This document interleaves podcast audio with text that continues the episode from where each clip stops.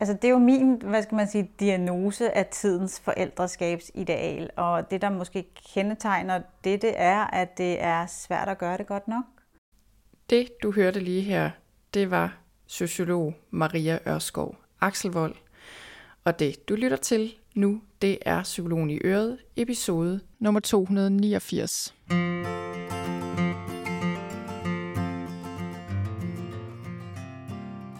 Velkommen til Psykologen i Øret. Jeg er psykologen Birgitte Sølstein, og Øret, det er dit.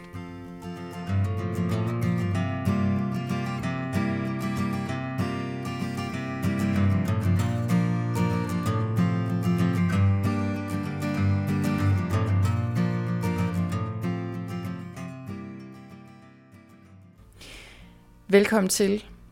Jeg har glædet mig helt vildt meget til at, øh, at, at sende det her interview ud i æderen.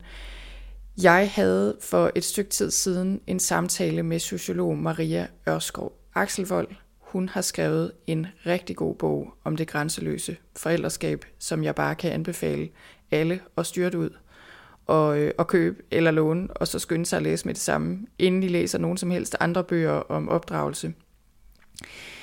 Det øh, Maria Ørskov, hun sætter fokus på her i den her bog, og det vi taler om i samtalen i dag, det er det her, øh, det her mange af os, tror jeg, oplever, mange forældre oplever, eller ved jeg, at, at forældreskabet bare virker overvældende og, øh, og ja, uendeligt, og at der nærmest ikke er grænser for alt det, vi kan og skal som forældre i forhold til børnenes skoleliv og deres mad og deres følelsesmæssige udvikling og hele vejen rundt, er det bare utrolig svært at leve op til de her modsatrettede og, øh, og meget høje krav og idealer, der findes i vores tid i forhold til forældreskabet. Så det tager vi en snak om her, og, øh, og noget af det, vi kommer ind på, det er Marias egen historie og hendes motivation i forhold til at beskæftige sig med det her, fordi det bunder i hendes egen historie, og den er interessant.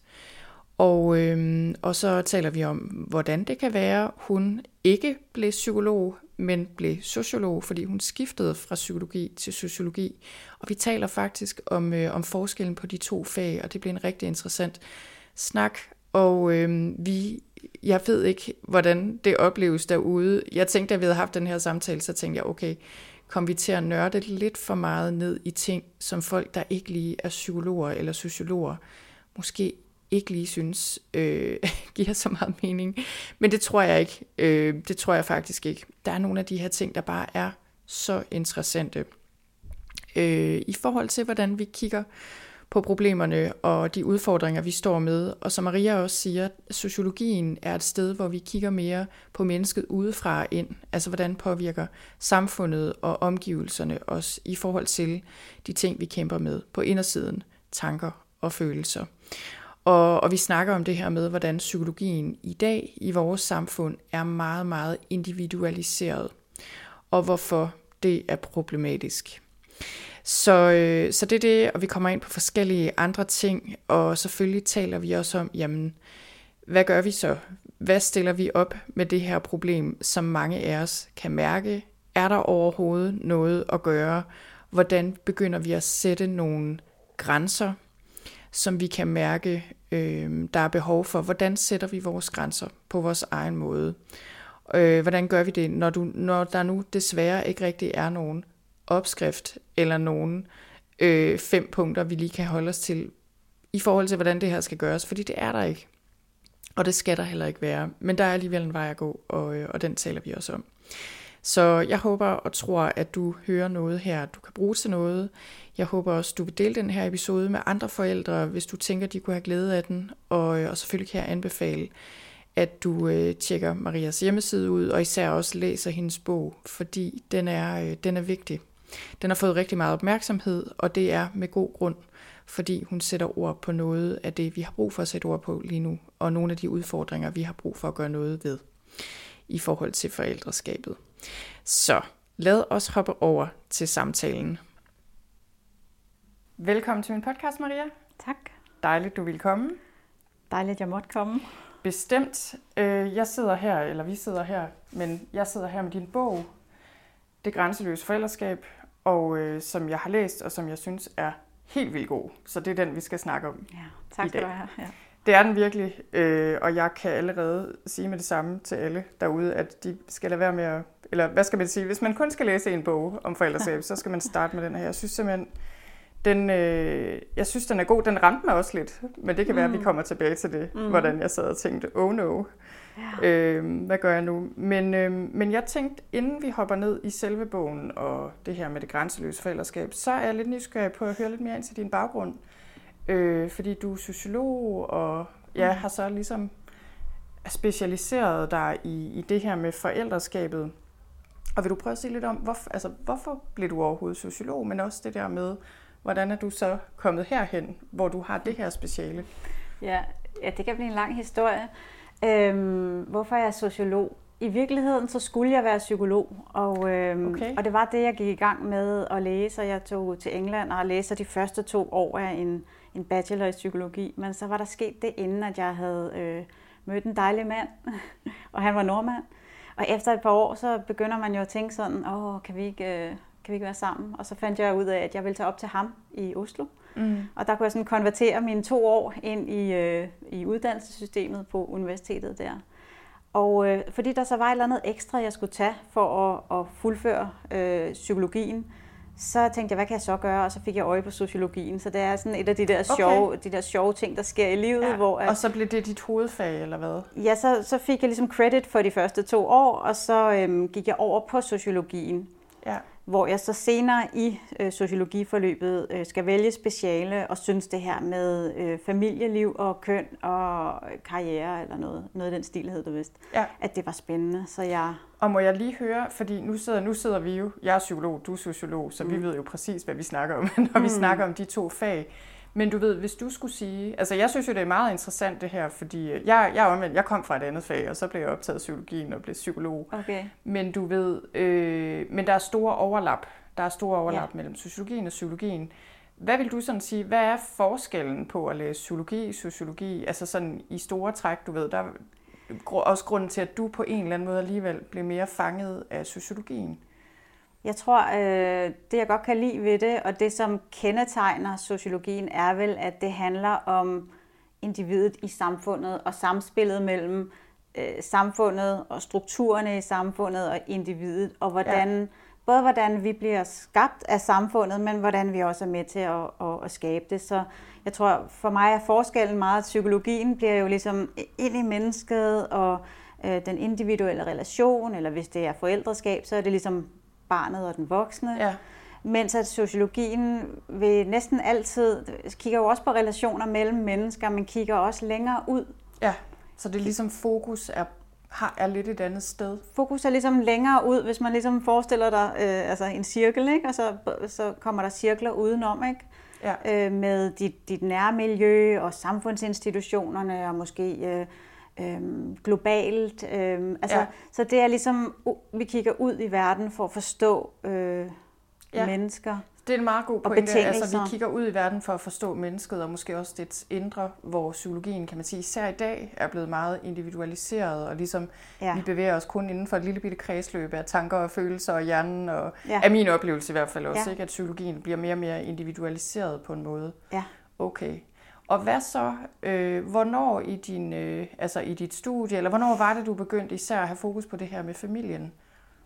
Altså det er jo, da jeg vælger øh, specialiseringen, og man skal tage et valg, men jeg bliver også gravid undervejs og får mit første barn under studiet, så det bliver sådan meget nærliggende. Det, bliver jo, altså det, det kender psykologer også, mm. og det bliver også studier af en selv, eller hvad er det, jeg skal ud i. Og jeg kan huske, at jeg blev meget sådan feministisk orienteret. Der var meget om køn og ulighed, mm. og jeg tænkte meget på, hvordan mit liv ville blive, og ville jeg få en karriere, og hvordan ville det være at have et lille barn osv. Øhm, så, så det var selvfølgelig fordi, at jeg selv stod over for at skulle øh, stifte familie, at det her emne begynder at, at optage ja. mig øh, rigtig meget. Ja. Det er det. Øhm, og det, der så sker lidt senere i mit liv dog, for jeg tager ligesom nogle øh, afstikker, inden jeg vender tilbage til sociologien, øhm, det er jo, da jeg møder ligesom, hvad skal man sige, institutionslivet og skolelivet i Danmark, hvor jeg ja, for alvor Altså synes, i dit eget forældreskab? I mit eget forældreskab, ja. der, der, der bliver der tændt en ny gnist i mig. Øh, og det ja, her. så prøv lige at fortælle om det, fordi jeg ved, altså det var det der med, at du boede i udlandet, og ligesom, ja. og så kom du hjem på et tidspunkt. Så, så var, var det for et skift, eller hvad skal man sige? Hvad var det, du oplevede der? Jeg tror, at det, der var så øh, markant, og det her var jo nogle refleksioner, jeg gjorde mig, mens jeg skrev bogen, og hvor det egentlig først går op for mig der, når jeg sidder og tænker over det, at det er de første to år, hvor jeg er mor. Jeg har fået mit første barn i Oslo, og jeg er relativt isoleret. Øh, jeg er gift med en mand, der arbejder rigtig meget, og han er mere ude, end, end han er hjemme. Ja. Så øh, jeg går på universitetet, og de har en, øh, en vuggestue nede i, i bunden af bygningen, og der afleverer jeg så Ida, min datter, om morgenen, og så går jeg til forelæsninger. Og så sad man på læsesal og ligesom gjorde sit arbejde færdigt. Og så gik jeg ned og hentede hende, og så gik vi hjem i lejligheden. Og det var sådan et ret øh, isoleret liv, øh, fordi jeg også var tilflytter, og så var jeg, øh, jeg begyndte at læse lidt, lidt senere end andre, jeg var 24. Ja. Så man er lige det ældre, Øhm, så jeg kendte egentlig ikke så mange, og jeg kendte i hvert fald ikke ret mange, der havde små børn. Nej. Og på den måde, så var der ikke rigtig nogen at spejle sig i. Øh, og der var slet ikke det her bombardement øh, af unge forældre, som, som man bliver udsat for i dag. Nej. Fordi vi er ligesom vi er tilbage i, i, i, nul, i starten af årtusindskiftet. Ja, så det var også før smartphones og Instagram var, og Lige præcis. alt muligt. Der, ja. Det er, som jeg skriver i bogen, det er, når der er noget, så ringer jeg hjem til min mor, det er ja. altså på en fastnet telefon, ikke? og så har jeg en opslagsbog.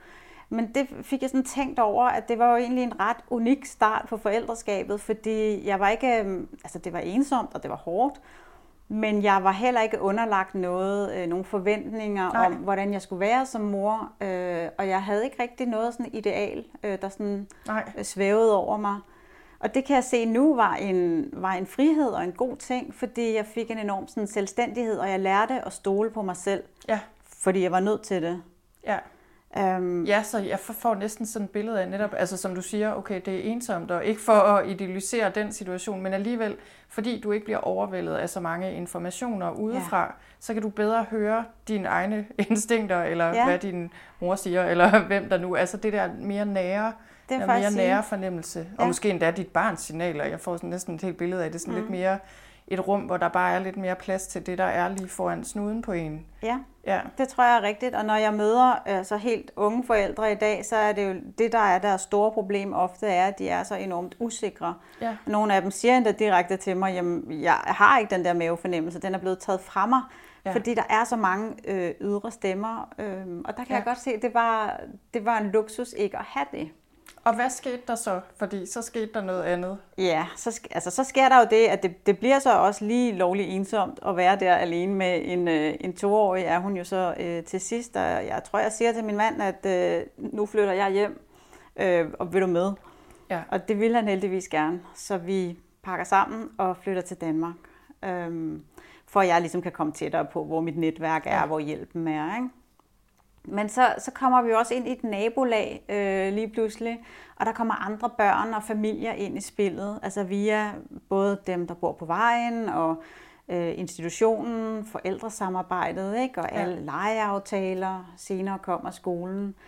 Og det tror jeg var meget sådan, jeg begynder at få det der blik, som jeg også beskriver øh, i bogen. Man får blikket udefra på sig selv. Ja hvordan øh, gør de andre, og, og så begynder man sådan at tvivle lidt mere på sig selv. Mm. Øh, burde jeg også gøre sådan, eller skulle de ikke også have nogle flere legeaftaler? Eller, ja.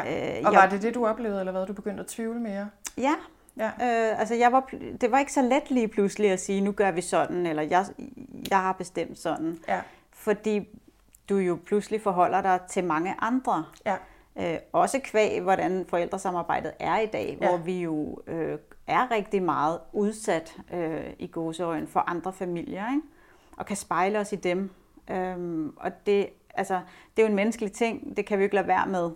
Uanset hvor stærk og selvstændig du er, så, øh, så ja. vil du altid... Det vil man jo gøre, det er jo naturligt også nødvendigt. Ja. Men du ved, men jeg tænker bare, altså der, jeg tror, at øh, det er meget interessant også det her, fordi du har haft den her erfaring med at komme fra en anden kultur, eller i hvert fald en anden situation på mm. en eller anden mm. måde, og så komme ind i vores samfund, kan man næsten sige. Og det giver ja. måske også nogle gange, også nu du er sociolog i forvejen, men det hjælper til at kunne se tingene fra lidt et andet sted, ikke? Ja. Øh, og hvornår, altså fordi når jeg kigger på den her bog, mm. nu ved jeg jo ikke, hvor længe det tog dig at skrive den, men jeg tænker, at den er meget solid, og jeg forestiller mig, at det er ikke en bog, du lige har skrevet på tre måneder eller noget. Nej, det altså, var det hvordan, du ved, hvornår, hvordan kom det ligesom til dig, okay, jeg tror, jeg skal skrive en bog om det her, og hvordan, hvor, altså, hvordan har den proces så været? Altså, bogen ligger jo i forlængelse af min, min Ph.D., som jo handler om forældreinvolvering i, i skolen, og som jo, altså, i forlængelse af det, jeg lige har fortalt, altså der, hvor jeg får denne her, øh, der bliver vagt noget inde i mig. Jeg tror, det er sociologen i mig, der også, altså den her kritik, vi ofte har. Jeg tror, man er som sociolog jo trænet lidt i at stole på den der, man hører en indre kritik, der siger, ja. hey, hvad er det for noget, hvorfor skal jeg det? Og, og så begyndte jeg at undersøge sagen dengang. Jeg tænkte, er der, er der ikke nogen, der har undersøgt, hvordan forældre oplever øh, skole-hjem-samarbejdet? Mm. mm. Og fandt ud af, at øh, der var nærmest kun et dansk studie, som sådan havde undersøgt hjemmets perspektiv. Og så besluttede jeg mig for at lave PhD'en, og laver den. Og, og det er i arbejdet med den, at jeg også opdager hele det her store forskningsfelt for om forældreskab og opdragelse. Ja, jamen det er sådan. så. Altså alene det, nu er jeg jo ja. psykolog, ikke? jeg tænkt, nå ja, ej, opdragelseslitteratur, altså det er jo det, en hel ting. Ja. Øh, og jeg tænker, og den undersøgelse, du snakker om her, altså den nævner du også i bogen, men det var jo en større sådan spørgeskemaundersøgelse, ikke? Eller... Ja, så, så bogen ligger sådan i forlængelse af den her forskningsinteresse med skole-hjem-samarbejdet, og bogen får jeg lyst til at skrive, fordi jeg egentlig synes, jeg har erhvervet mig så meget viden, som jeg tænker, andre kan have glæde af, men også fordi jeg i den tid, jeg har beskæftiget mig med det, har set forældre blive mere ja. presset. Ikke? Ja. Øhm, og så, så har jeg længe tænkt på at skrive den, og så kommer der bare et tidspunkt, så gør man det. Øh, og til at starte med som research, så laver jeg så en spørgeundersøgelse ja. som jeg sender ud online forskellige steder, øhm, som er 10 åbne spørgsmål om forældreskab, som handler om alt fra, altså, hvad kan du godt lide øh, at lave sammen med dine børn, og hvad, hvad, hvad skal man helst gøre? Jeg prøver sådan at tappe lidt ind i, hvad idealet ja. er. Der er noget om forældresamarbejde, og hvad, hvad giver dig dårlig samvittighed, ja. og hvornår fejler du, og sådan nogle Så ting. var det sådan en, altså nu får jeg jo lige flashback til de her, var, altså var det sådan grounded theory, altså hvor du ligesom nogle meget åbne spørgsmål, hvor du så kiggede på alt det, der kom, og ligesom kigget på, hvad, hvad er der så i det her, der går igen? Eller kan du prøve ja. at sige lidt om, hvordan... Det var bare... Nu bliver jeg bare nysgerrig. Det var bare 10 åbne spørgsmål, der sådan rent tematisk skulle øh, tappe ind i fem forskellige temaer.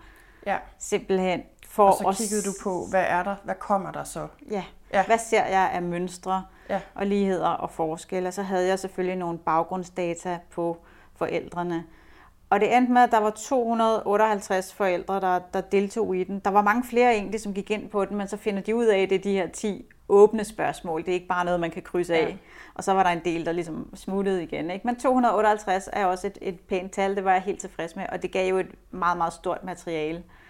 Ja. Øhm, Ja, okay, og så har du, og så skrev du den, og jeg tænker jo, altså i hvert fald når man læser den her bog, det sagde jeg også lidt til dig, inden øh, vi tændte for mikrofonen, altså for mig, den adskiller sig fra mange andre bøger om forældreskab, altså på den måde, den er, øh, den har det der brede perspektiv, og det er ikke så meget en how-to, bog. Der er også, der er også et, et kapitel til sidst, der samler op i forhold til, hvad gør vi så? Ja. Men jeg synes, det er, øh, altså for det første, så synes jeg for mig, den mindede mig om mange af de ting, jeg også altså, har jo læst som psykolog. Heldigvis for 20 år siden, eller 15 år siden, da jeg blev mm. psykolog, der havde vi rigtig meget socialpsykologi øh, på studiet faktisk, heldigvis. Ja. Så meget af det var velkendt. Men jeg havde glemt det. Og jeg tænkte, hvorfor har jeg glemt det? Det er fordi samfundet og måden, vi snakker ja. om tingene på, også har ændret sig. Ikke? Ja. Og, og, det, og det der, jeg synes, den adskiller sig øh, og er rigtig god. Og jeg tænker jo også, den har fået rigtig meget opmærksomhed, netop også fordi du rammer ind i nogle temaer, åbenbart, øh, som mange godt kan se, okay, ja, det her det er mm. faktisk øh, et problem.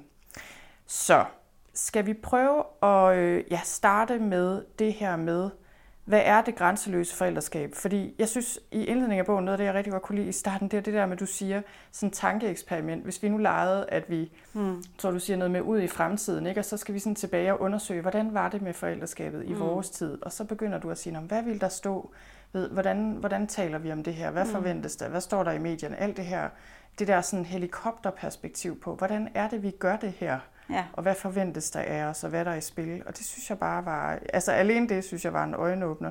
Men vil du prøve at sige, det grænseløse forældreskab, hvad er det? Hvad er det? Ja. Altså det er jo min, hvad skal man sige, diagnose af tidens forældreskabsideal, og det der måske kendetegner det, det er, at det er svært at gøre det godt nok. Mm. Øhm, og så, så så jeg bare det her med grænser som noget, der går igen. Altså jeg laver jo sådan en hel analyse af forældreskabet, hvor jeg både kigger på netop, som du selv siger, øh, kulturen. Hvad, hvad, hvad beskæftiger kulturen sig med omkring forældreskabet? Hvad ser vi i medierne? Øh, hvad ser vi i velfærdsstaten beskæftige sig med? Og så er der hele den her forældreindustri, det jeg kalder mm. øh, markedet. Øhm, og der kan jeg ligesom se, at det, der går igen, det er, altså det grænseløshed, det er, at hvad skal man sige, staten kommer længere ind øh, i vores familie og helt ind i forældreskabet og vil gerne blande sig. Politikerne vil gerne fortælle forældrene, hvordan de skal opdrage og ikke opdrage. Det er, det er en ny bevægelse.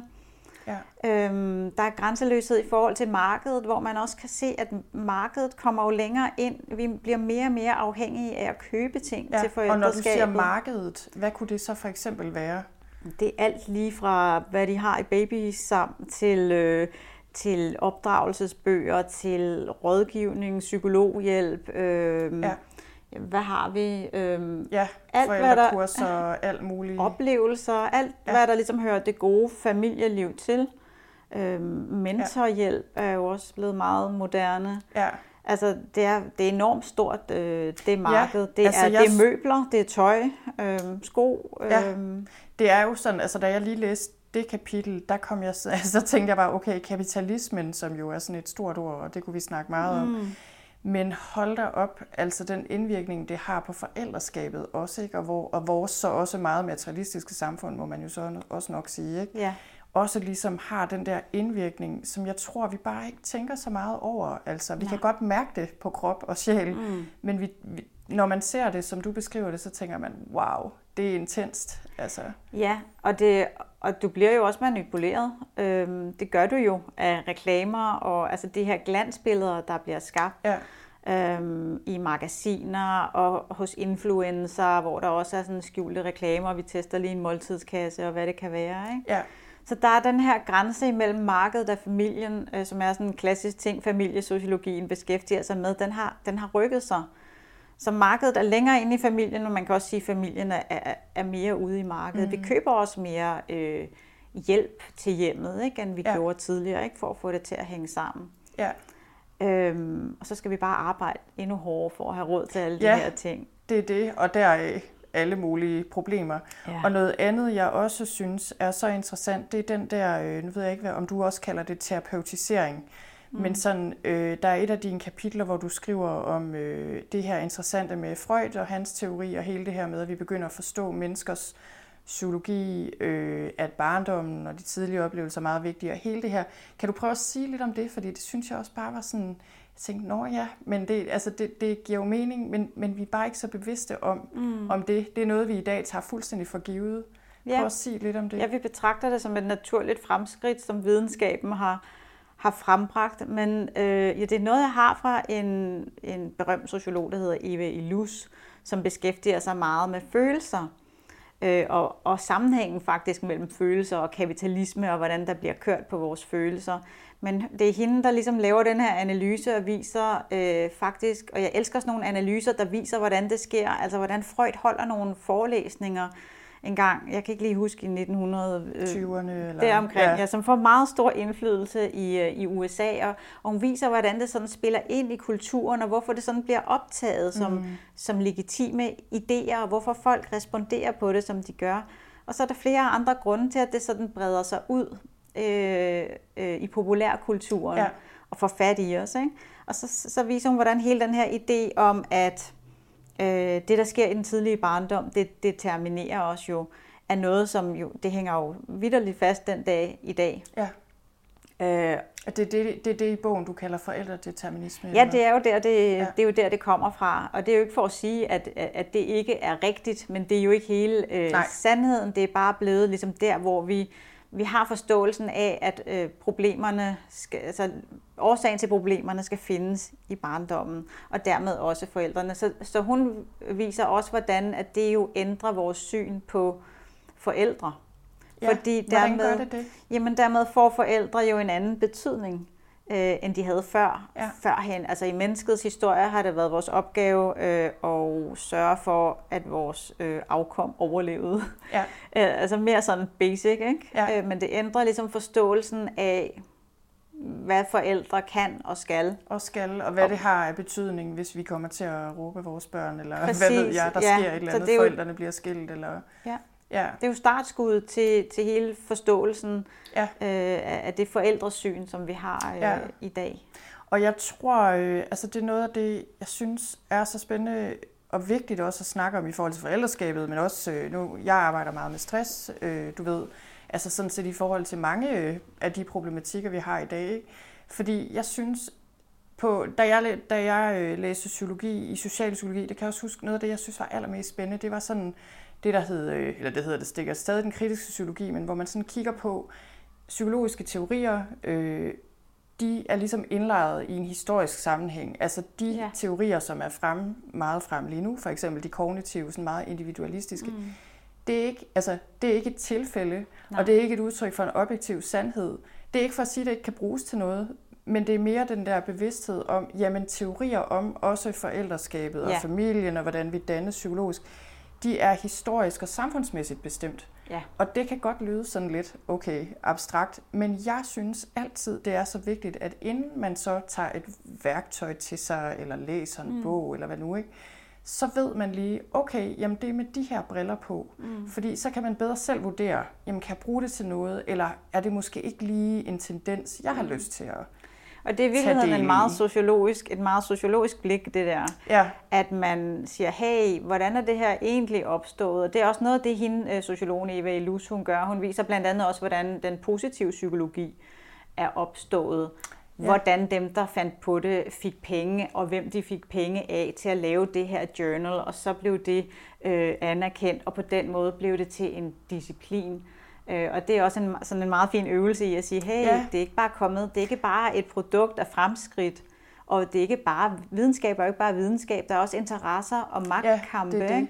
Og igen tænker jeg også til det der med nuancerne, fordi det er jo ikke fordi, vi bare skal smide det hele ud og sige, så kan det ikke bruges til noget.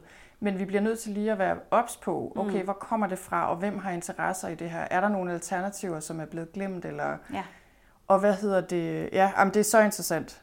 Og jeg og jeg tænker, nu vi kommer mere, lige om lidt kommer vi lidt ja. mere ind på sådan, okay, hvad, hvordan ser det her ud i hverdagen? Men du ved, øh, noget andet sådan, hvis vi stadig holder os lidt på det her lidt mere overordnede perspektiv, det er noget andet. Jeg, jeg er faktisk ikke helt sikker på, om du nævner det i bogen med Hartmut Rosa. Jo, det gør du.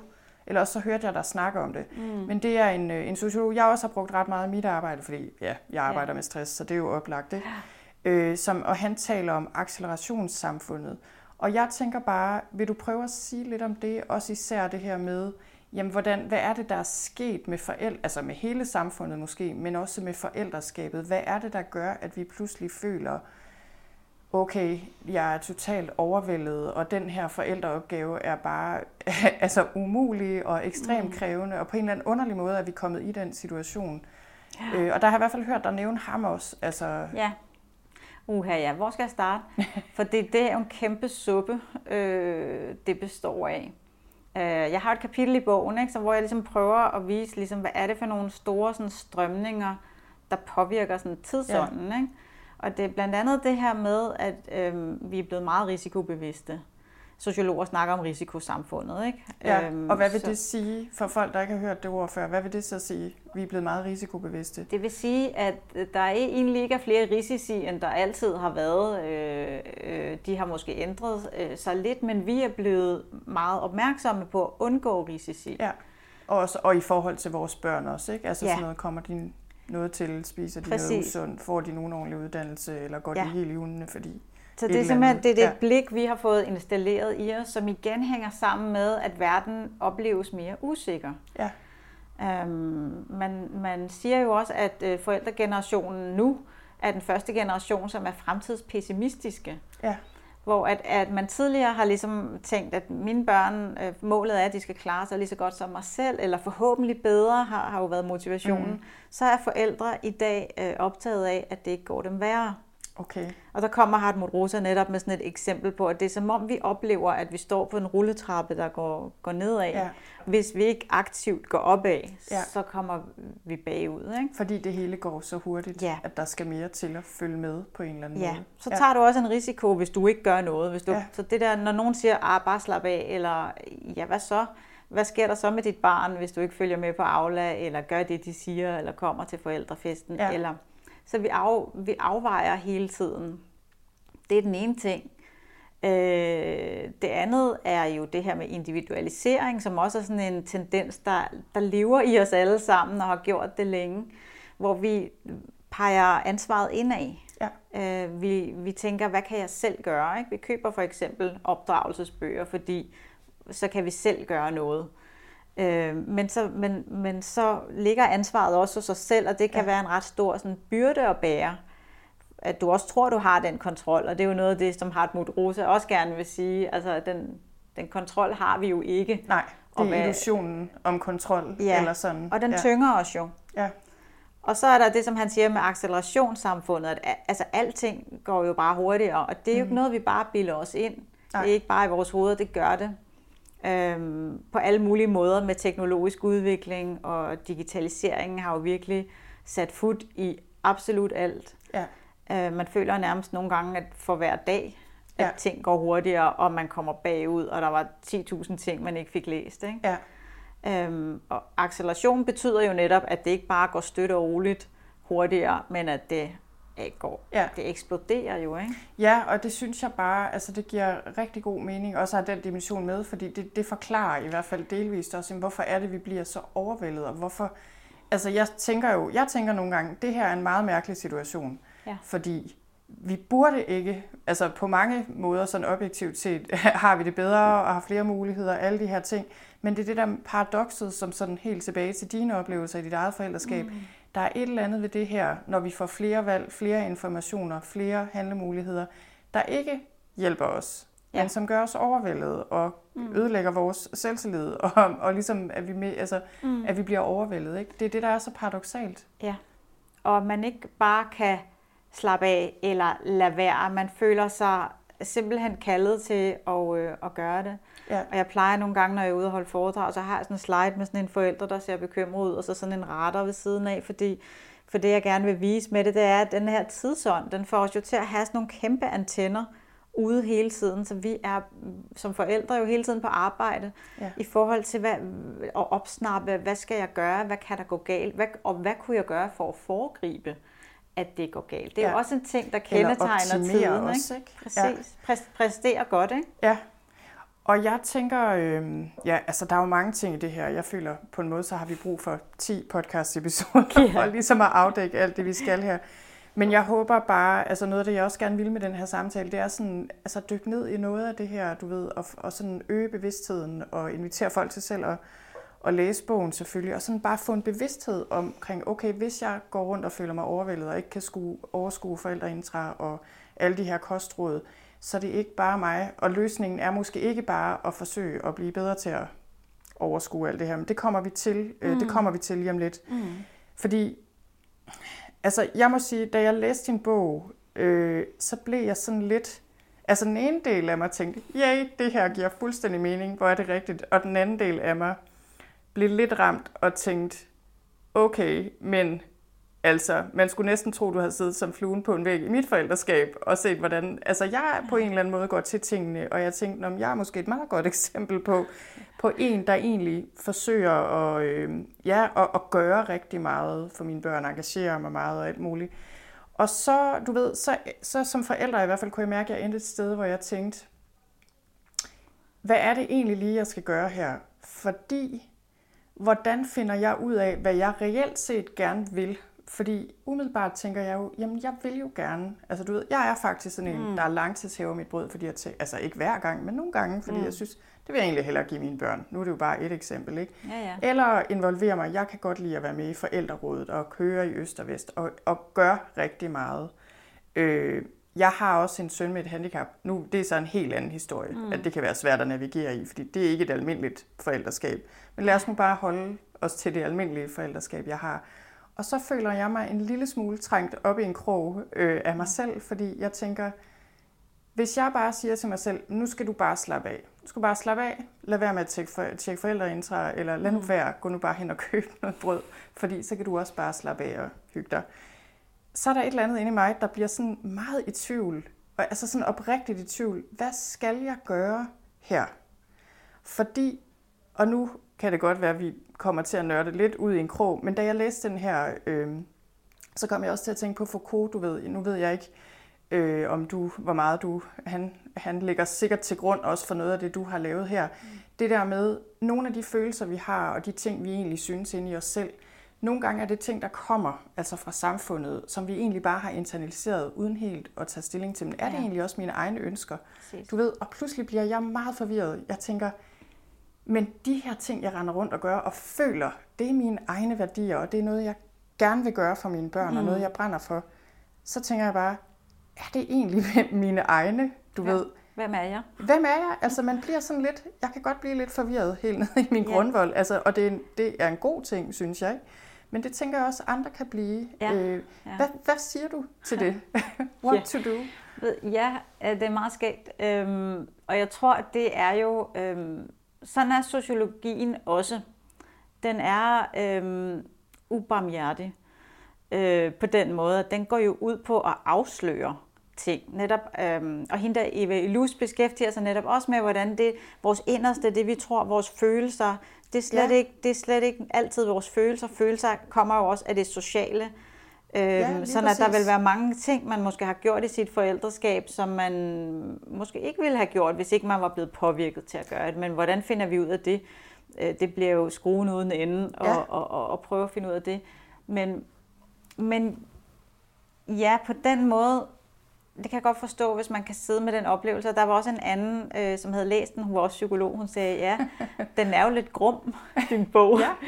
Øh, jeg bliver bare forvirret. Altså, det er en god forvirring, men ja. det synes jeg godt, man kan blive i tvivl om. Også det der med, altså, og det er det, der er interessant ved det her, at i samfundet, det, vi internaliserer det så meget, at vi går og holder øje med os selv, inde i os selv, ja. omkring nogle standarder, vi så prøver at leve op til. Ja. Det er vi ikke bevidste om. Vi tror bare, det er vores egne værdier. Ikke? Mm. Og det er mm. sådan, hvor kommer man så derhen, hvor jeg finder ud af, hvad vil jeg egentlig i mit eget forældreskab? Altså. Og det er et godt spørgsmål, men jeg tror, at det jeg gerne har ville med at vise den her sammenhæng, og hvordan der er så mange, der gerne vil noget med dig, og som også lykkes med at få dig til at ville det, som de gerne vil have, at du skal købe, eller gøre, eller sige, eller hvad det nu er, øh, det er jo, at det er at skabe det her kritiske blik, måske netop det der, hvor man begynder at få øjnene op for, åh, oh, lige her, er det, nogen, ja. er det nogen, der prøver at få mig til noget? Har jeg brug for det her? Er det virkelig barnets behov, øh, eller altså jeg, jeg, jeg har med det her gerne vil installere det der blik, som lige sådan kritisk stopper op og siger, øh, hvem, hvem har interesse i det her? Ja. Og så kan det godt være, at man selvfølgelig bliver lidt forvirret. Hvem er jeg egentlig, og, og hvad er mine egne følelser, og hvad er samfundsskabte? Men, men alt skal jo starte et sted, ja. øh, tænker jeg, hvis man sådan har mistet den indre øh, ja. Altså det, jeg i hvert fald kan se, lidt, ikke? der er sket for mig, som jeg tror sker for mange forældre, jeg har simpelthen internaliseret, internaliseret op til flere idéer og værdier, som er i direkte modstrid mod hinanden. Altså simpelthen, mm. det kan ikke lade sig gøre, fordi der er ting, jeg har idéer om i forhold til mit arbejdsliv og i forhold til mine børn, som sådan ligesom, de kan ikke lade sig gøre, fordi der de modstår i modsætning ja. til hinanden. Og ja. det er i hvert fald, synes jeg, noget af det, din bog også gør det meget tydeligt. Øh, gjorde i hvert fald for mig, hvor jeg tænkte, mm. wait a minute, Altså, hvad, hvordan får jeg sorteret i det her, så jeg kommer et sted hen, hvor det faktisk kan lade sig gøre, men mm. også hvor jeg kan leve et liv og have et forældreskab også, som er realistisk. Altså. Ja.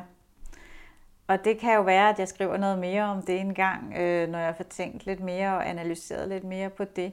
Men, men jeg tænker, at der er mange, det virker som om, der er mange, der har brug for at høre, at det faktisk er okay at lytte til sin indre ulyst, sin indre tvivl. Altså der er mange, ja. der har sådan en lille en, der går og nager, og så gør de noget alligevel, som de ikke har lyst til, eller mm. som de bliver enormt drænet af, fordi det kræver så meget af dem. Jeg giver jo nogle eksempler på, på nogen, der var med i spørgeundersøgelsen, jeg lavede, som fortæller om, hvor svært det er for eksempel ja. at opdrage he- hele tiden korrekt efter det nye børnesyn, og hvordan de slår sig selv i hovedet, og hvordan det virker som om, at det er enormt drænende ja. at opdrage på den måde. Og der tænker jeg, at de har jo nok en lille noget, der knæver indeni, som ja. fortæller mig, at der, der er noget her, der ikke er helt øh, i orden for mig, ja. hvis det skal være så svært. Ikke? Og det er også derfor, i det sidste kapitel, så stiller jeg jo spørgsmålet sammen med, med børnepsykolog Marie Tolstrup. Skal det virkelig være så kompliceret? Ja. Altså, øh, det er ligesom et spørgsmål til universet. Altså, skal det virkelig være så kompliceret ja. at få og opfostre og opdrage normale børn? Ja. Og, hvad, og, hvad, og i det kapitel, der synes jeg jo også, ikke fordi I sådan kommer med løsningen eller noget, desværre. Mm. Øh, ja. Det kunne vi jo godt have tænkt os, men den findes jo nok ikke rigtigt. Men alligevel, så synes jeg, der er i det kapitel, altså nogle af de her ting, du siger, eller I siger, omkring, øh, hvad vi kan minde os selv om, altså vi har ret til. Øh, og, og jeg tænker, øh, altså der citerer du Irene Ostrich, mm. eller Østrich. Mm. Øh, og det er blandt andet sådan noget med, du har ret til at sige fra. Du har ret til at sætte grænser. Du har ret til ikke at vide alt, for eksempel. Mm. Den tænkte jeg sådan, nå ja. Altså det er måske i den tid, vi lever i nu.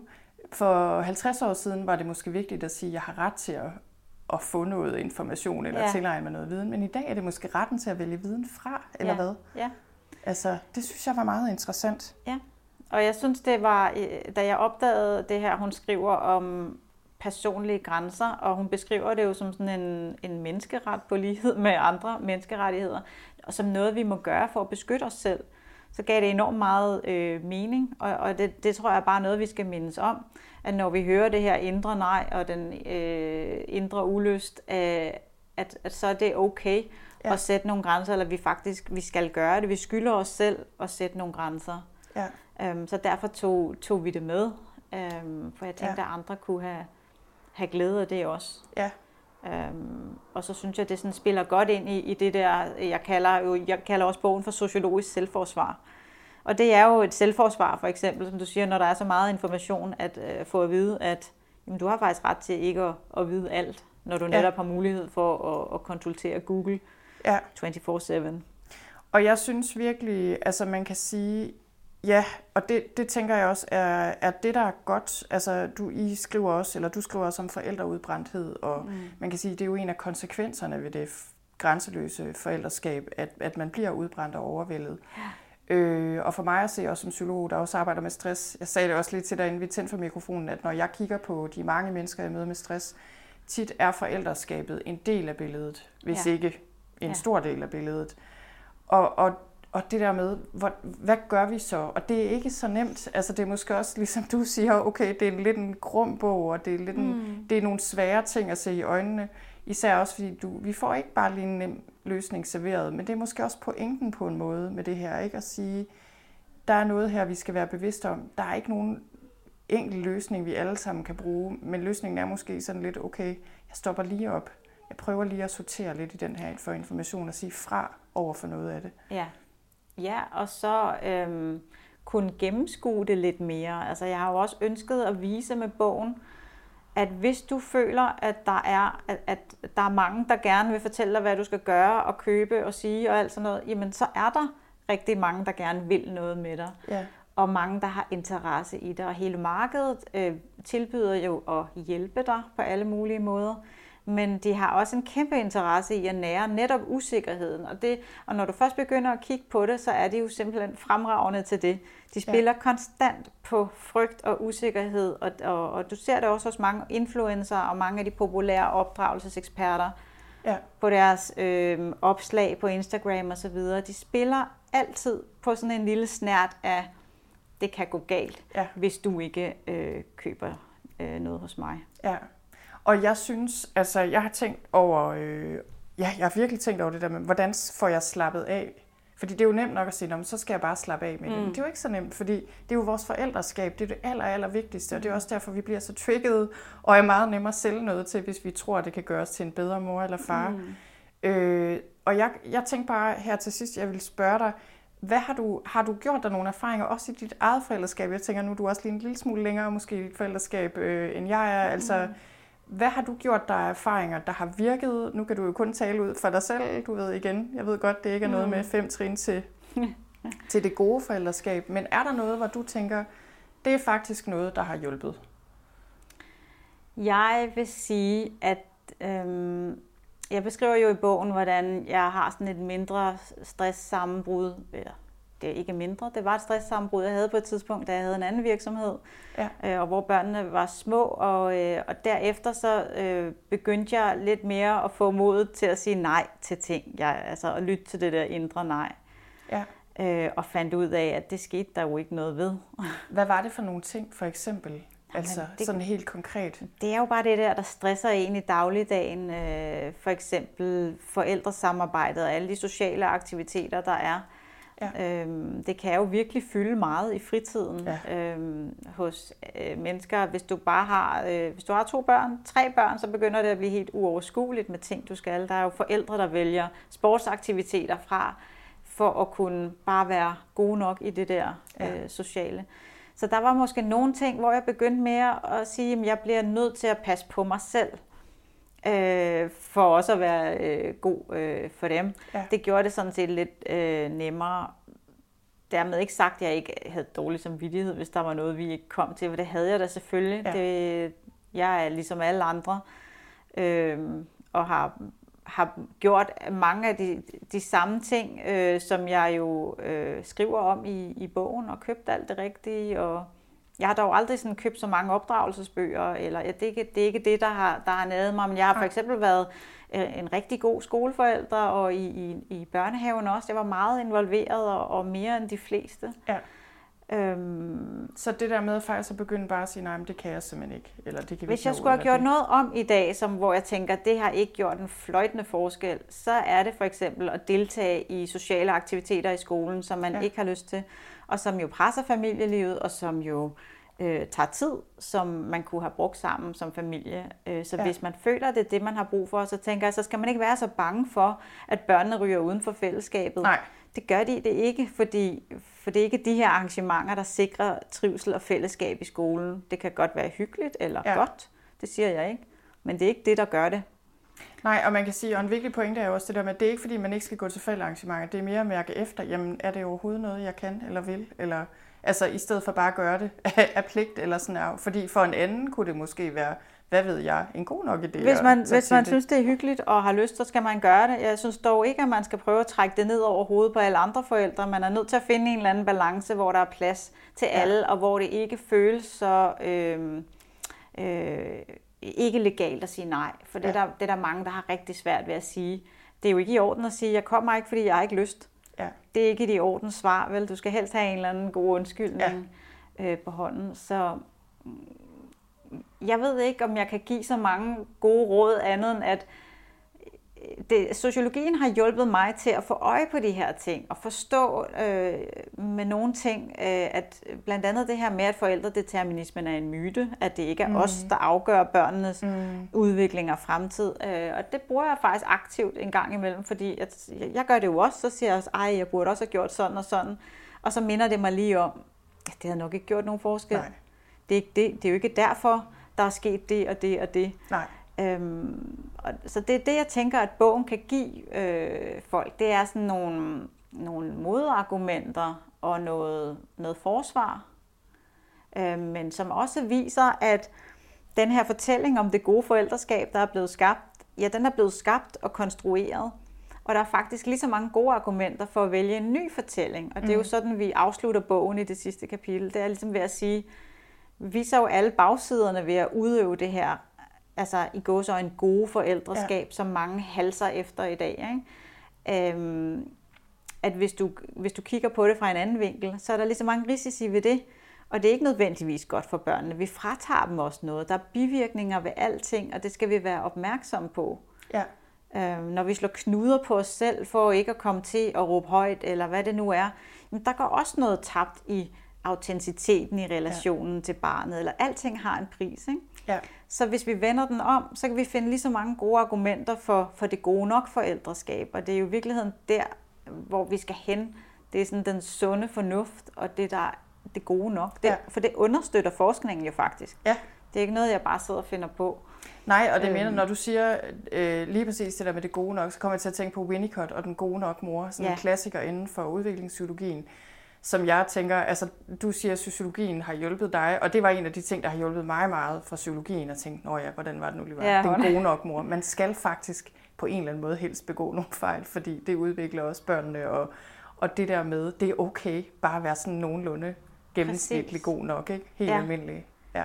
Og, og så bliver det også et spørgsmål om, hvad er det for nogle liv, vi gerne vil leve?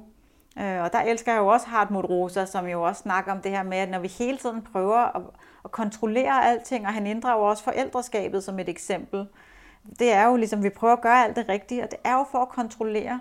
Men så siger han, når vi prøver at kontrollere, så går vi glip af alt ja. det magiske, vi prøver at indfange. Alt det, som vi jagter og søger og længes efter, det undslipper os, ja. når vi prøver at fange det. Han har sådan et skønt eksempel med, at det er lidt ligesom, når vi går ud og prøver at fange øh, et snifnuk, og synes, det er så magisk, eller vi vil gerne tage sneen med ind, men når vi tager den ind, så smelter den. Ja.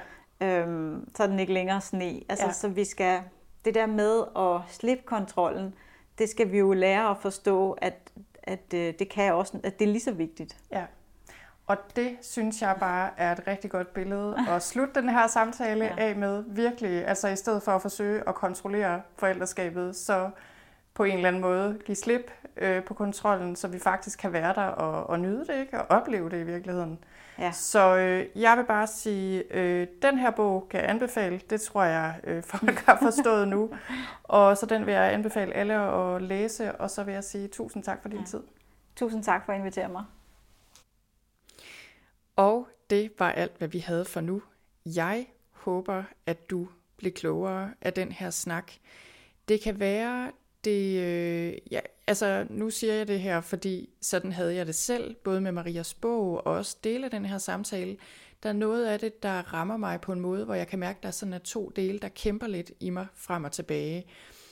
Øh, for jeg er faktisk rigtig glad for at engagere mig i mine børns liv, og jeg bager med spelt nogle gange på en god dag, og langtidshæver, og altså på mange måder tror jeg egentlig, jeg har eksemplet på, øh, på den forældre, som, øh, eller det forældreskab, som Maria problematiserer her. Så, og det synes jeg også har været en meget interessant proces, og jeg håber også, du ligesom vil mærke efter og, øh, og se, jamen, hvordan kan du bruge det her? Fordi det her, det handler ikke om, at man ikke må engagere sig som forældre alt det, man vil. Det handler bare om at gøre det lidt mere bevidst, og, øh, og selv vælge, hvordan vi vil praktisere forældreskabet i stedet for automatisk at komme til at gøre det, som eksperter siger, eller som vi på en eller anden måde får ind via samfundet, er den rigtige måde at gøre det her på. Og så igen, jeg kan anbefale dig at læse Marias bog, Det grænseløse forældreskab.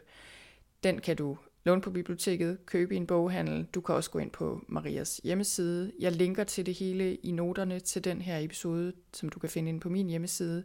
Jeg linker også til Marias Instagram-profil og alle de ting, vi taler om her. Så øh, gør endelig det, og så håber jeg ellers bare, at du må få en god dag, og tak fordi du lyttede med.